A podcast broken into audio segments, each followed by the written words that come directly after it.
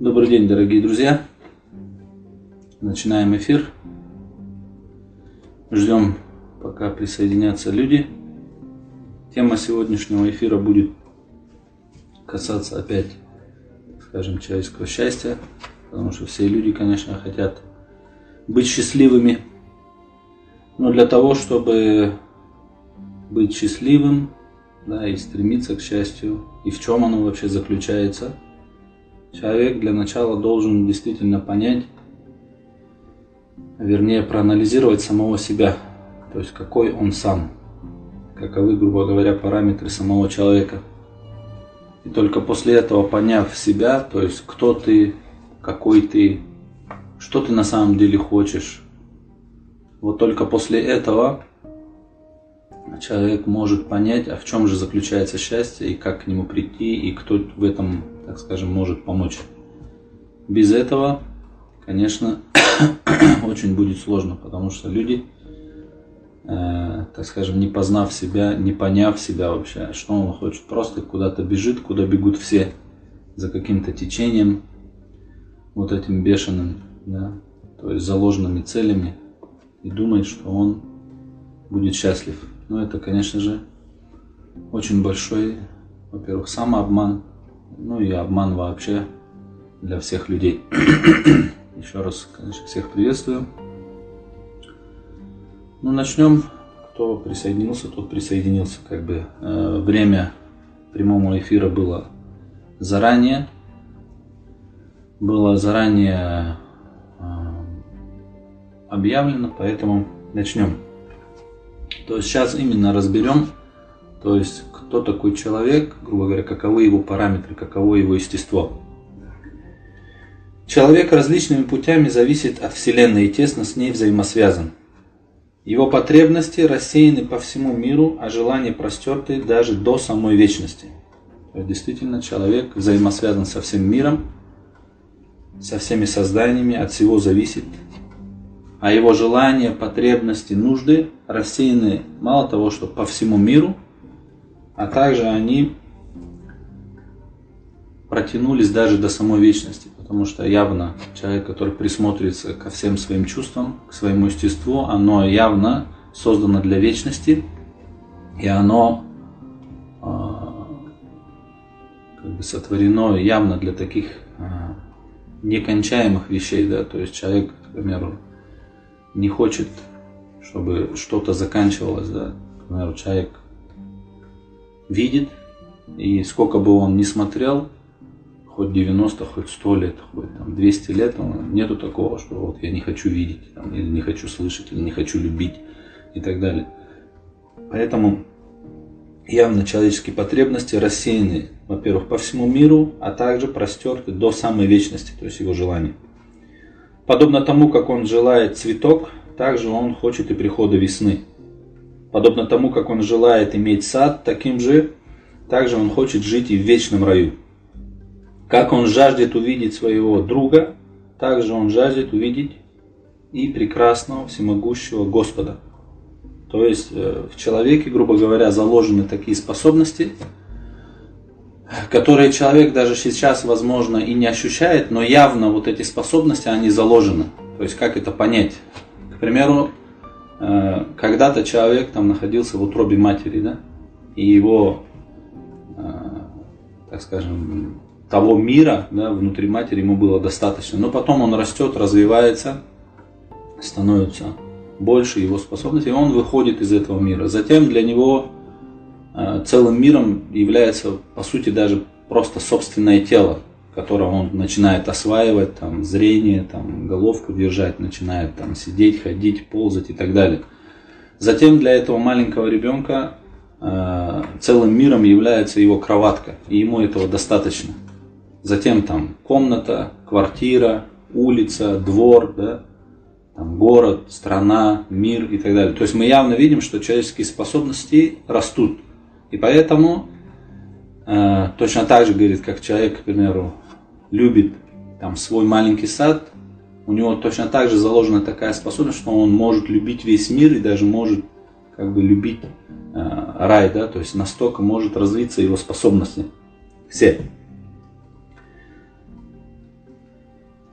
То есть, подобно тому, как человек нуждается в том, чтобы открыть дверь и навестить своего любимого человека, живущего в другом месте, таким же образом он, чтобы навестить своих близких и родных, 99 из 100 которых ушли в иной мир, и избавиться от вечной разлуки, нуждается в прибежище у обители одного абсолютно всемогущего, способного закрыть врата этого огромного мира, а затем открыть врата удивительнейшего иного мира – разрушить этот мир и вместо него сотворить и устроить другой вечный мир.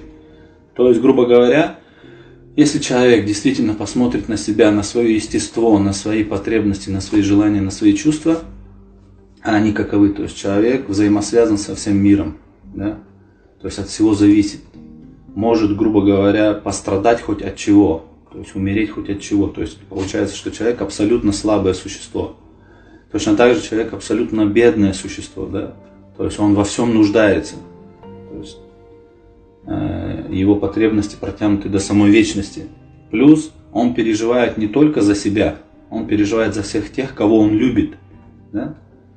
То есть какие бы с ними события ни происходили, да, и он. И вот теперь представьте, человек в таком положении.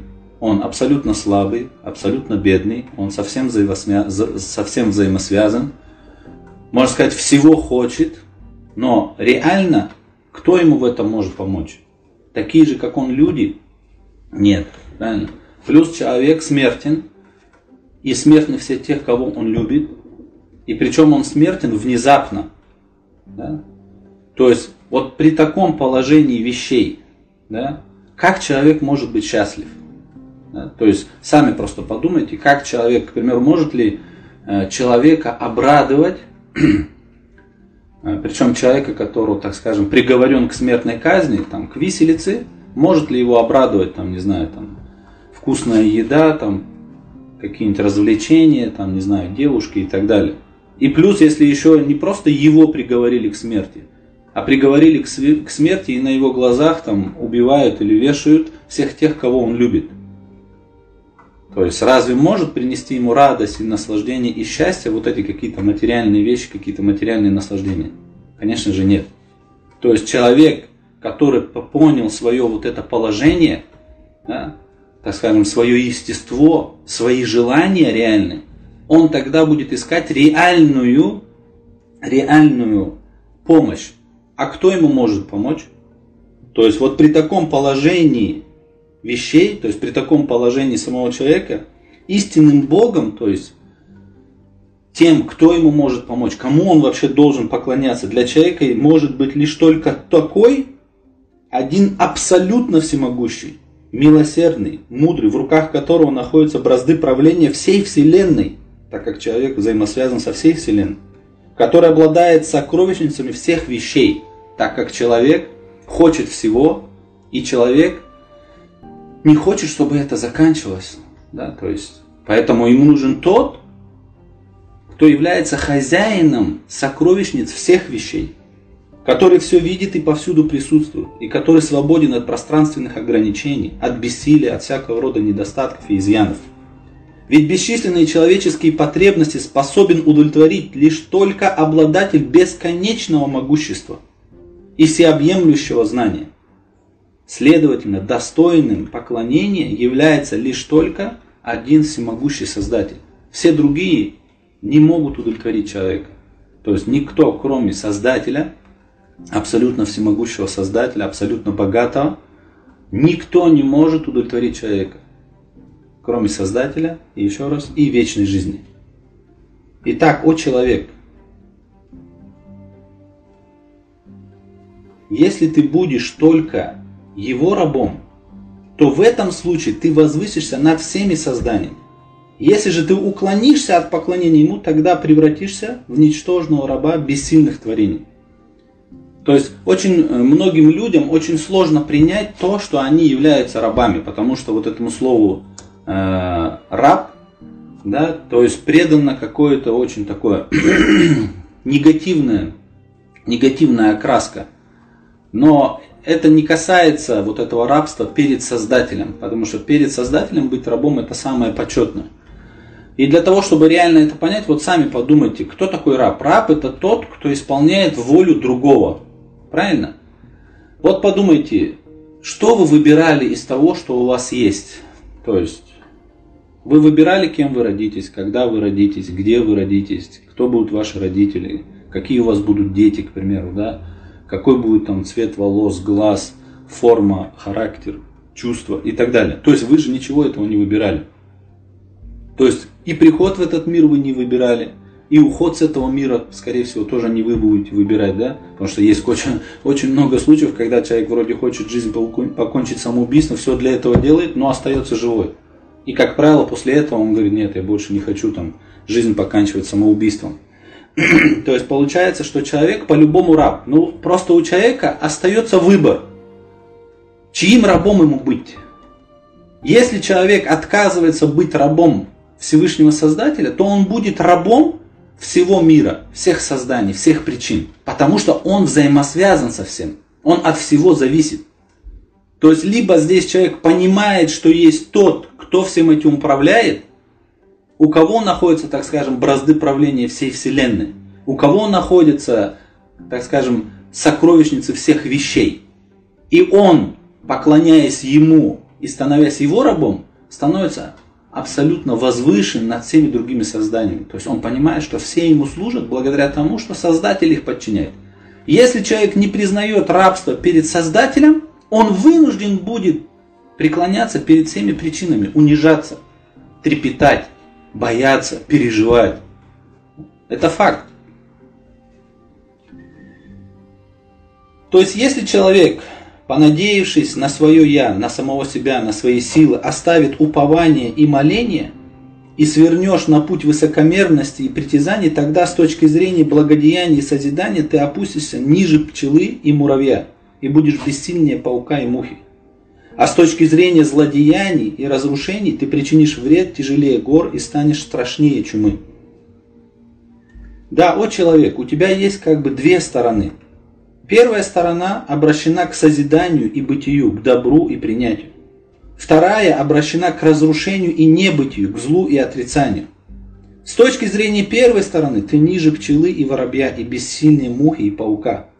А в отношении второй стороны ты превзойдешь горы, землю и небеса.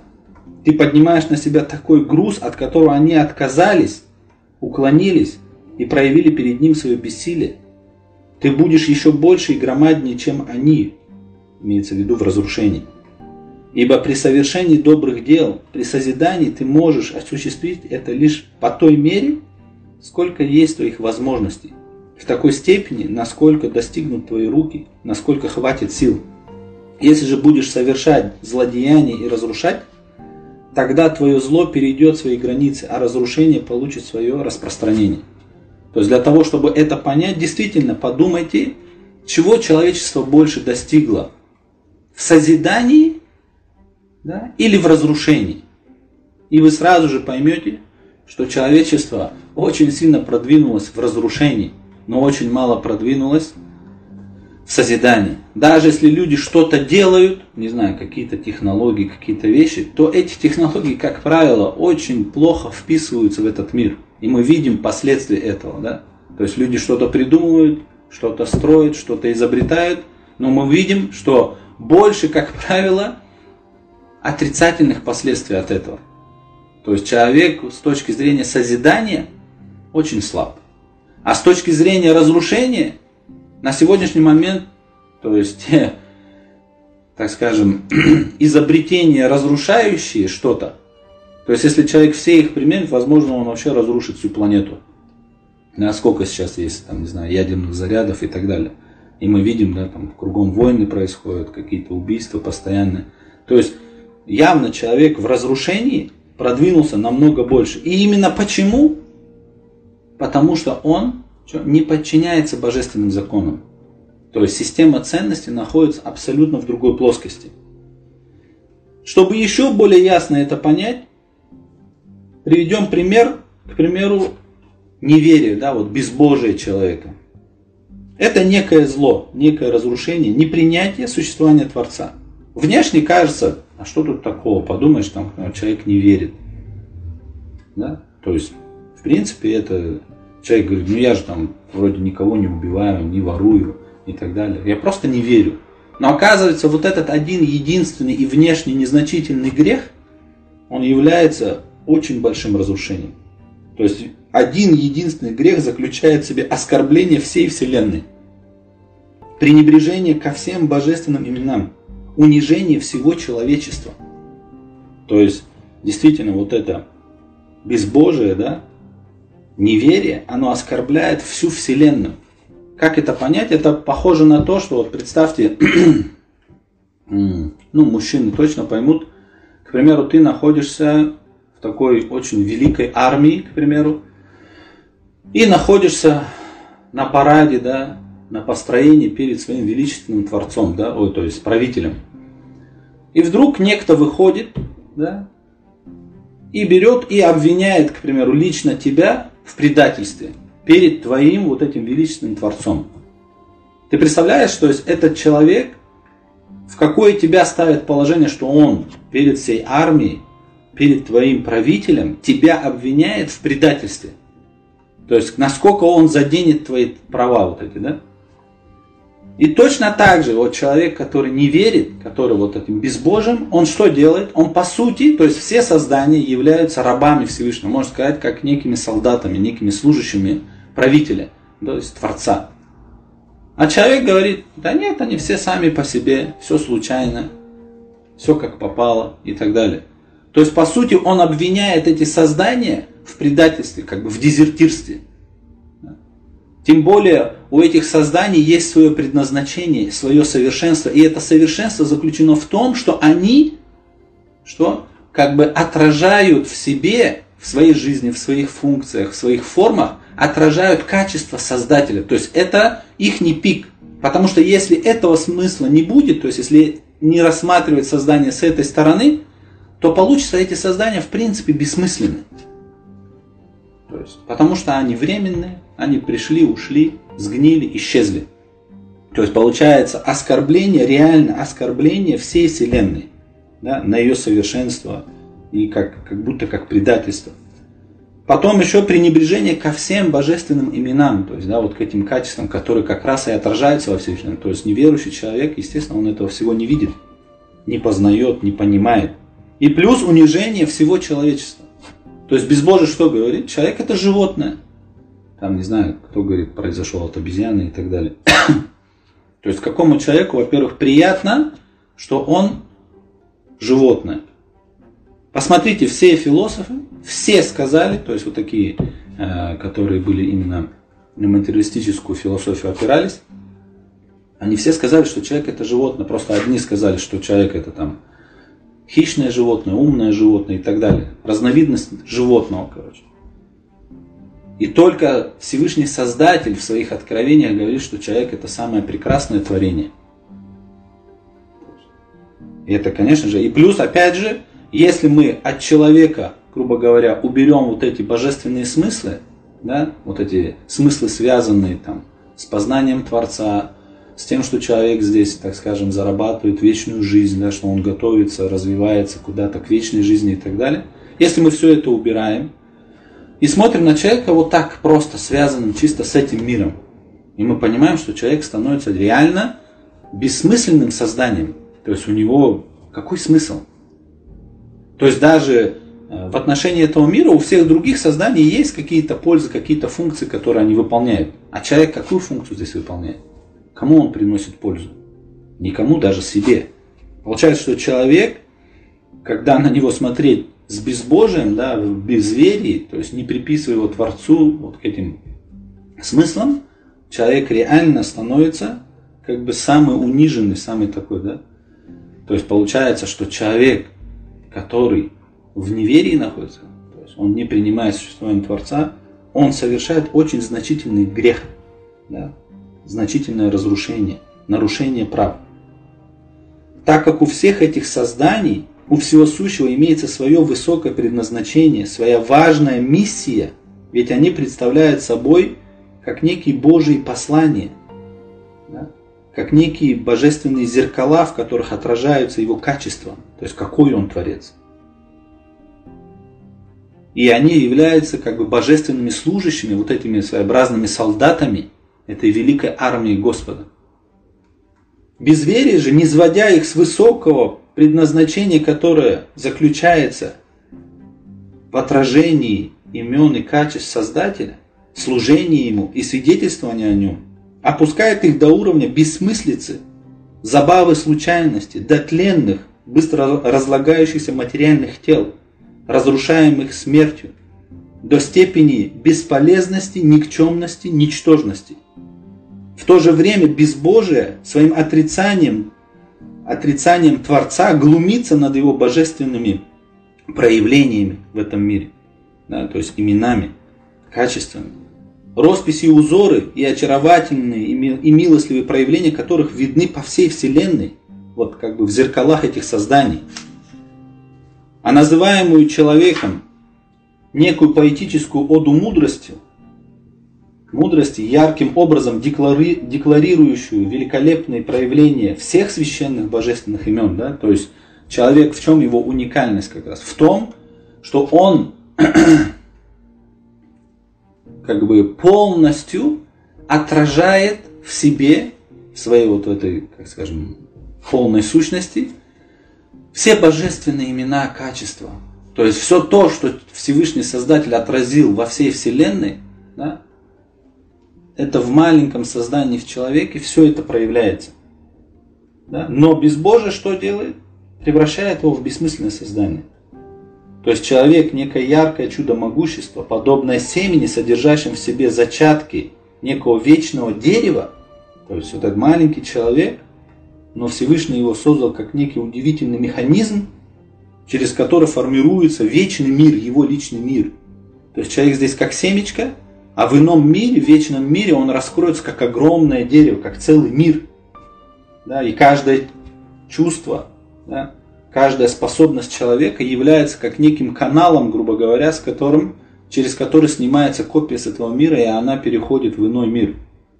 Да, то есть человек как видит, как он понимает, как он чувствует, это никуда не деется, это все, так скажем, пишется и формируется его вечный мир этого человека.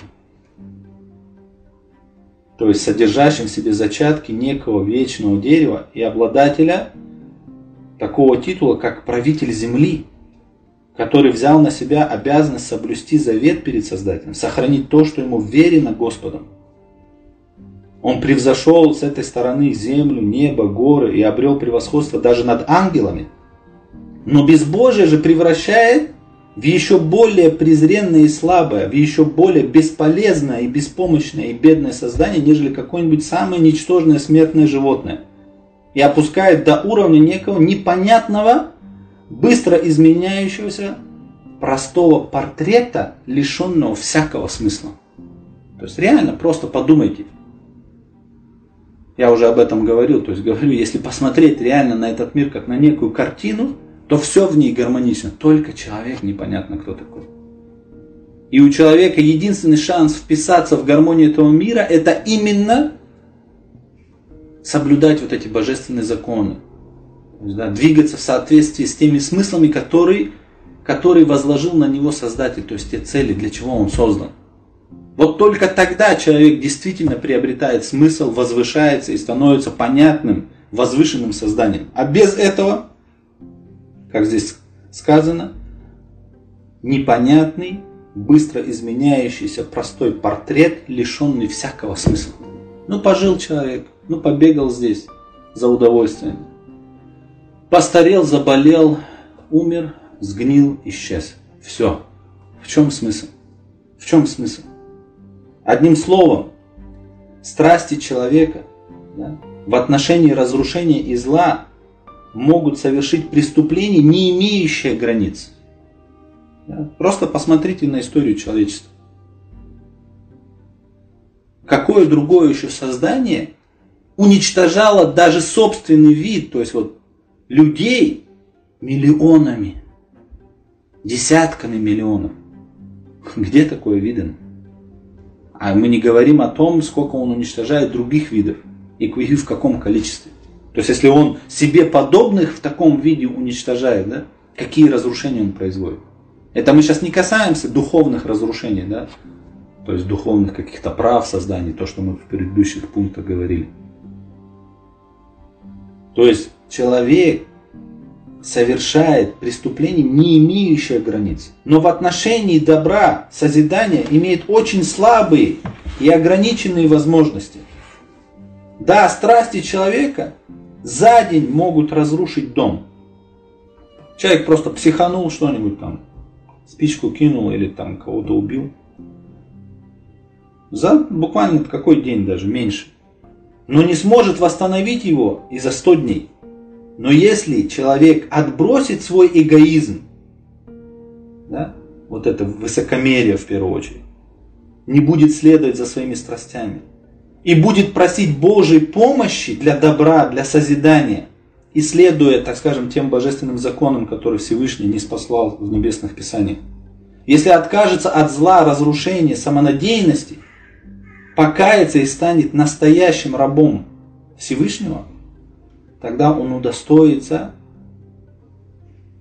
того, что Всевышний Создатель, все его способности, которые вроде бы вели его к разрушению, Всевышний их вот этими божественными законами, правильным использованием того, что тебе дано, разворачивает их в сторону того, чтобы человек делал добрые дела.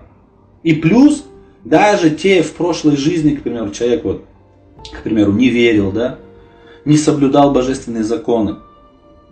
Но потом он там покаялся, да, попросил Всевышнего помощи, начал соблюдать божественные законы, то Всевышний может вот эту его прошлую жизнь, которая была с минусовым знаком, грубо говоря, так как это было некое предисловие к тому, что он пришел к добру, к созиданию и так далее, то Всевышний может и этот минусовой период его жизни сделать плюсовым, так как все оценивается по итогу.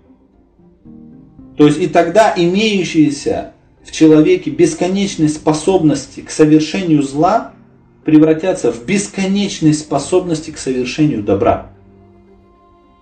И он обретет ценность уже как прекраснейшего творения в этой вселенной. Поднимется на высоты человечности. Итак, о беспечный человек, посмотри на милость и щедрость Всевышнего Создателя. Несмотря на то, что было бы справедливым записывать человеку за одно зло тысячу, а добро записывать лишь одно к одному, или вовсе, вовсе не записывать. Да? Потому что реально человек в отношении зла, он является автором этого зла. И плюс это зло еще распространяется. То есть человек маленькое действие делает, кинул спичку, но сгорел целый дом, возможно, в нем кто-то погиб и так далее. То есть действие это было маленькое. Но итог-то какой? Очень ужасный. И по идее человеку должно записаться куча зла. А это же цепочка небытия, она за собой ведет сколько страданий, сколько там пострадает тех, тех, тех, тех. Да? А в добре у человека очень маленькая доля. Потому что для того, чтобы, как мы в предыдущих уроках говорили, для того, чтобы было хоть одно добро, это добро должно опираться на все существующее, на всю Вселенную, на все причины. Если чего-то не будет, то ты не сможешь этого добра сделать. Человеку достаивается этого добра лишь тем, что у него есть вера, намерение, вот это желание, да, молитва к Богу. И Всевышний ставит тебе. Но Всевышний настолько милостлив, что Он тебе может за одно твое доброе дело, в зависимости, конечно, от чистоты твоего намерения, от искренности, с которой ты сделал это доброе дело, он может тебе это доброе дело записать как тысячу. А зло записывается лишь одно к одному. Хотя, по идее, по справедливости должно быть наоборот. За одно зло нужно приписывать тысячу, а за одно добро одно добро. Или вообще оно тебе не должно, по сути, записываться. Но все-таки Всевышний от своей милости зло записывает лишь одно к одному. А вместо одного добра иногда записывает 10, иногда 70, иногда 700, а иногда тысячи. И из этого, из вышеизложенного следует, что войти в этот страшный ад – это наказание за содеянное. И это совершенно справедливо. То есть на судном дне, в вечном мире, каждый человек, который попадет в ад, ни один из них не будет возмущаться тому, что он попал, попал туда. То есть каждый человек, попавший в ад, будет абсолютно сам убежден в том, что он это заслужил. То есть ему это будет доказано, потому что ему покажут все те результаты его жизни, к чему он пришел и что он для себя подготовил. То есть, по сути, человек сам себе подготавливает наказание. А однако вот войти в рай, это уже исключительно божественная милость. Потому что пускай человек подумает, он себе вот эту жизнь заработал как-то. Нет, тем более, как ты можешь заработать себе вечную жизнь. То есть это опять же, как эта жизнь тебе дарована от милости Создателя. И все, что в ней есть. Точно так же и вечный рай – это исключительно божественная милость. И отсюда становится понятно, в чем заключается настоящее счастье человека. Оно заключается действительно в вере и в осознанном познании Создателя. Да? То есть в любви к Нему, в познании Его, в полагании на Него. Но опять же, ты не можешь полагаться и любить того, кого ты не знаешь. Поэтому для того, чтобы действительно человек понимал, в чем заключено для него счастье, он должен хорошенечко анализировать себя, анализировать свое естество. Кто он, какой он, чего он действительно хочет, каковы его желания, каковы его потребности. И вот когда человек это узнает, когда он вот это поймет, он поймет, что кроме Всевышнего Создателя, кроме вечной жизни, ничто другое не может его удовлетворить и сделать его счастливым. Ну, поставим точку на сегодня. Если есть какие-то вопросы, задавайте, пока мы в прямом эфире. Э, либо, если не успеете, можете э, задавать в директ, либо в WhatsApp писать. В шапке профиля это есть. Э, все видео прямого эфира я сохраняю в IGTV.